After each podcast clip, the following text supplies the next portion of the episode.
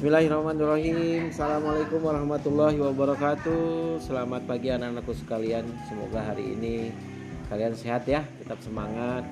Dalam uh, eh, PJJ hari ini uh, Anak-anakku sekalian Materi hari ini adalah tentang uh, teknologi konstruksi miniatur jembatan. Uh, seperti biasa kalian dengarkan apa yang Bapak sampaikan di podcast ini. Kamu buka buku paketnya, kamu catat apa ada hal-hal yang menurut kamu penting dan nanti di akhir jangan lupa kerjakan tugas-tugas yang Bapak berikan. Gimana sudah siap anak-anakku sekalian? Nah, baik, uh, langsung saja kita masuk ke materi teknologi konstruksi miniatur jembatan. Teknologi konstruksi merupakan teknologi yang digunakan untuk membangun sarana dan pra, maupun prasarana. Sekali lagi, teknologi konstruksi merupakan teknologi yang digunakan untuk membangun sarana maupun prasarana. Hasil akhir teknologi konstruksi ini biasanya berbentuk rumah, jembatan, jalan, kereta api dan lain sebagainya.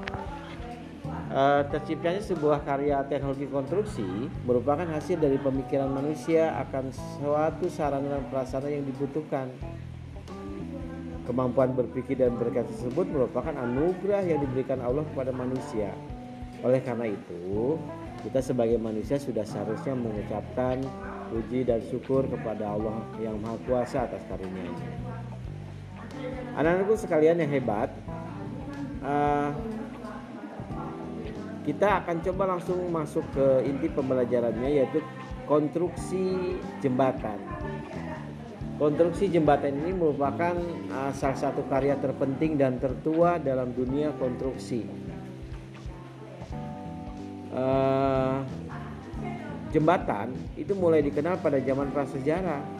Saat itu Jembatan terbuat dari kayu yang disilangkan.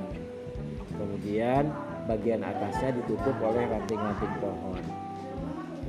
Nah, anak-anakku sekalian, jembatan itu merupakan sebuah sarana dengan struktur tertentu yang dibangun untuk menghubungkan dua atau lebih rentang hambatan fisik seperti sungai, jurang, teluk, lembah, dan jalan sehingga kita dapat melintas dengan lancar dan aman. Uh, jembatan pertama kali dibangun dengan sangat sederhana dan alami tanpa campur tangan manusia, seperti kayu besar atau batu besar yang melintang di atas sungai. Dari sinilah manusia mempunyai, mempunyai ide untuk membangun konstruksi jembatan yang dari waktu ke waktu mengalami perkembangan. Kemudian proses pembuatan jembatan sudah menggunakan berbagai macam teknik berupa penerapan ilmu pengetahuan sehingga dihasilkan jembatan-jembatan yang kukuh, kuat dan memiliki unsur keindahan. Nah, nanti kita akan jelaskan perkembangan jembatan dari setiap zaman. Uh, anak-anakku sekalian, uh, tetap uh, kamu siapkan buku paketnya ya karena uh, Bapak tidak bisa menampilkan gambar-gambar sesuai dengan konstruksi jembatan-jembatan yang nanti Bapak jelaskan. Jadi sekalian kamu lihat buku paket kamu uh, untuk uh, menyesuaikan uh, materi yang Bapak sampaikan dengan gambar yang ada di buku paket. Nah, anakku-anakku sekalian, uh, perkembangan jembatan dari setiap zaman yang pertama, bahwa jembatan di zaman purba, zaman purba. Pada zaman ini jembatan belum diakui sebagai hasil karya konstruksi karena pada zaman ini manusia purba menggunakan batang kayu tumbang untuk menyeberang sungai. Ya. Manusia zaman purba melintasi sungai dengan memasang pilar-pilar batu kayak gelondongan atau pohon yang tumbang dengan bentang yang sangat pendek. Selain itu mereka juga memanfaatkan akar-akar atau ranting-ranting pohon sebagai jembatan gantung untuk bergelantungan melompati pohon satu ke pohon lain. Jenis jembatan yang digunakan pada zaman purba itu biasanya berbentuk jembatan balok sederhana dan digunakan hanya untuk bentangan yang pendek. Ya, nah, itu kira-kira di tahun 2000 sebelum masehi. Kamu bisa lihat tuh contohnya nanti di buku uh, kamu sekalian. Nah kemudian tadi yang pertama jembatan uh, jembatan zaman purba. Yang keduanya adalah jembatan periode Romawi kuno. Nah jembatan Romawi kuno ini dimulai dari tahun 300 sebelum masehi dan berlangsung kurang lebih selama 600 tahun yang lalu. Pada zaman ini teknologi jembatan sudah mulai berkembang pada jembatan pada zaman ini jembatan dibangun telah menggunakan kayu, batu dan beton. Namun untuk jembatan batu dan beton bentuknya sama seperti pada periode jembatan purba yaitu berbentuk lengkung. Akan tetapi pada zaman ini manusia telah mampu mengatasi permasalahan lebih rumit. Pada zaman ini mereka membuat konstruksi jembatan yang dibangun di atas pilar yang berada di bawah air dan melindunginya dari bahaya banjir. Nah, selanjutnya periode zaman pertengahan. Zaman pertengahan uh, di Eropa berlangsung dari abad ke-11 sampai dengan abad ke-16. Jadi sesudah, sesudah runtuhnya Romawi. Secara fisik, konstruksi jembatan pada periode ini itu tidak jauh berbeda dengan periode Romawi kuno. Bentuk jembatannya lengkung, dan pilar-pilar batu masih sering digunakan pada jembatan periode ini. Ya, e, contohnya tuh ada jembatan Rialto yang dibangun pada abad ke-16, ya itu di e, apa nama di Eropa. Kemudian ada jembatan Venice adalah jembatan terbaik di zaman pertengahan dalam segi perkembangan teknik, jembatan dan estetika. Ya, itu pada zaman uh, periode zaman pertengahan. Kemudian selanjutnya adalah uh, pada zaman besi dan baja. Jadi pada zaman teknologi jembatan teknologi jembatannya itu menggunakan besi dan baja. Nah, periode ini dilatar belakangi dengan adanya revolusi industri. Pada periode ini jembatan besi dibangun dengan menggunakan prinsip-prinsip bentuk lengkung, terutama untuk jembatan jalan raya. Pada era ini sudah menggunakan uh, apa namanya konstruksi yang konstruksi uh, yang uh, apa namanya yang bagus, yang kuat. Jadi uh, bahan-bahannya juga uh, leng, bukan hanya uh, berupa cor-coran, tapi di sini ada uh, baja ada rangka bat bangka batangnya juga. Kemudian ada pelengkungnya ada penahan dan ada penggantung kabel. Ya. Uh, jembatan besi pertama itu adanya di Inggris yaitu jembatan Col Rockdale yang melintasi sungai Suffolk. Nah kamu lihat ya di di buku kamu ya. Itu jembatan zaman besi dan uh, baja ya Kemudian periode zaman jembatan gantung.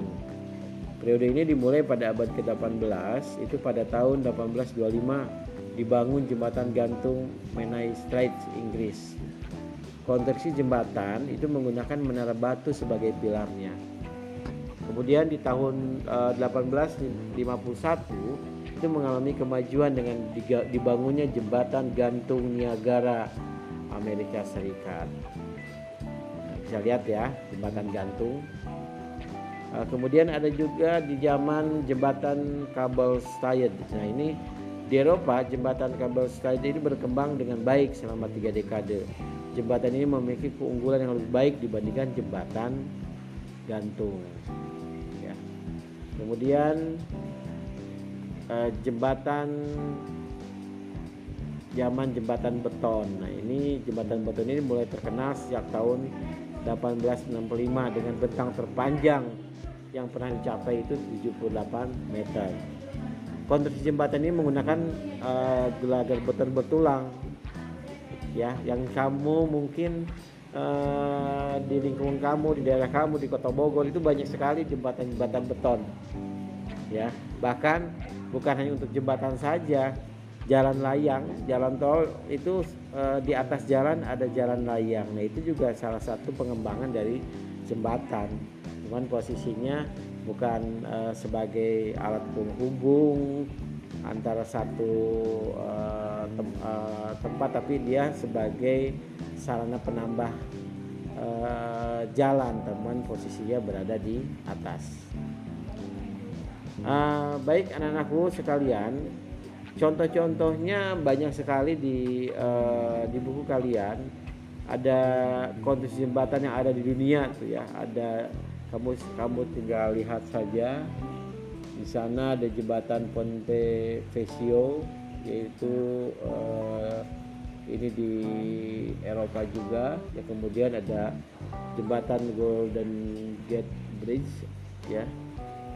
Itu di San Francisco itu. Kemudian ada jembatan uh, apa namanya Milau Bridge ya. Ini bagus banget nih jembatan Milau Bridge ya kalau kalian lihat gambarnya dia menggunakan teknologi beton dan besi yang eh, apa namanya yang sangat kokoh dan kuat ya dengan desain yang sangat indah ada seninya juga ya kamu lihat nanti di bukunya kemudian ada eh, di London juga di Inggris itu ada Tower Bridge ya jadi jembatannya bisa naik turun jadi eh, pada saat ada eh, perahu lewat, maka jembatan itu akan naik ke atas.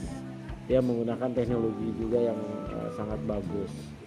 Nah, kalau di Indonesia ada jembatan jembatan nasional Suramadu. Ini jembatan Suramadu juga eh, salah satu eh, yang dimiliki oleh Indonesia ya. Jembatan nasional Suramadu. Itu eh, dirancang untuk tahan terhadap guncangan gempa ya itu untuk jembatan nasional Suramadu nah anak-anakku sekalian kita akan lihat jenis-jenis jembatan jenis-jenis jembatan saat ini dapat dikelompokkan menjadi berbagai jenis tergantung dasar pengompokannya. Berdasarkan ada yang berdasarkan bahan bangunan utamanya ada jembatan dapat dikelompokkan menjadi jembatan kayu. Pasangan pasangan batu dan batu bata serta e, beton betulang bahan baja dan komposit. Jadi e, berdasarkan bahan bangunan utamanya jembatan dapat dikelompokkan menjadi tadi yang saya Bapak katakan ada jembatan kayu ya. Ada jembatan pasangan batu dan batu bata. Kemudian ada jembatan beton bertulang dan jembatan dan jembatan beton pratekan ada jembatan baja ada jembatan komposit. Nah eh, kalian lihat eh, gambar-gambarnya di buku-bukunya. Ya kalian perhatikan eh, jenis-jenis jembatannya.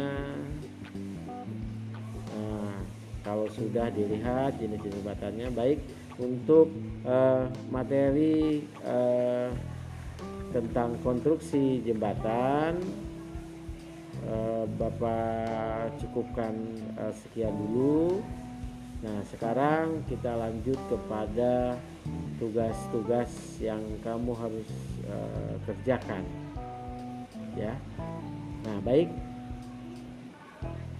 Tugas yang uh, kamu harus kerjakan silahkan ditulis nanti di buku kamu.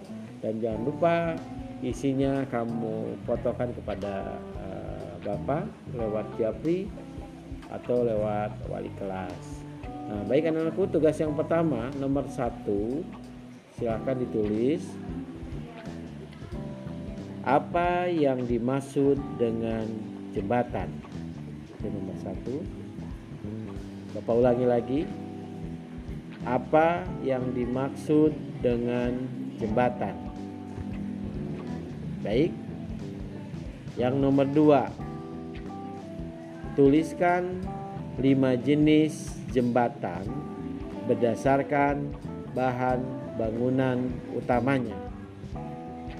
Bapak ulangi.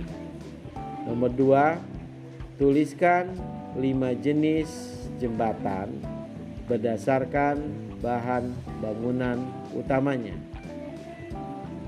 Oke, yang nomor tiga, jelaskan konstruksi jembatan periode Romawi kuno. Nomor tiga, Bapak ulangi. Jelaskan konstruksi jembatan periode Romawi kuno. Baik, nomor empat. Jelaskan fungsi dari jembatan yang ada di dunia. Bapak ulangi. Jelaskan fungsi dari jembatan yang ada di dunia. Nomor 5 Sebutkan dua jenis jembatan yang menjadi tempat pariwisata di dunia. Bapak ulangi, sebutkan dua jenis jembatan yang menjadi tempat pariwisata di dunia.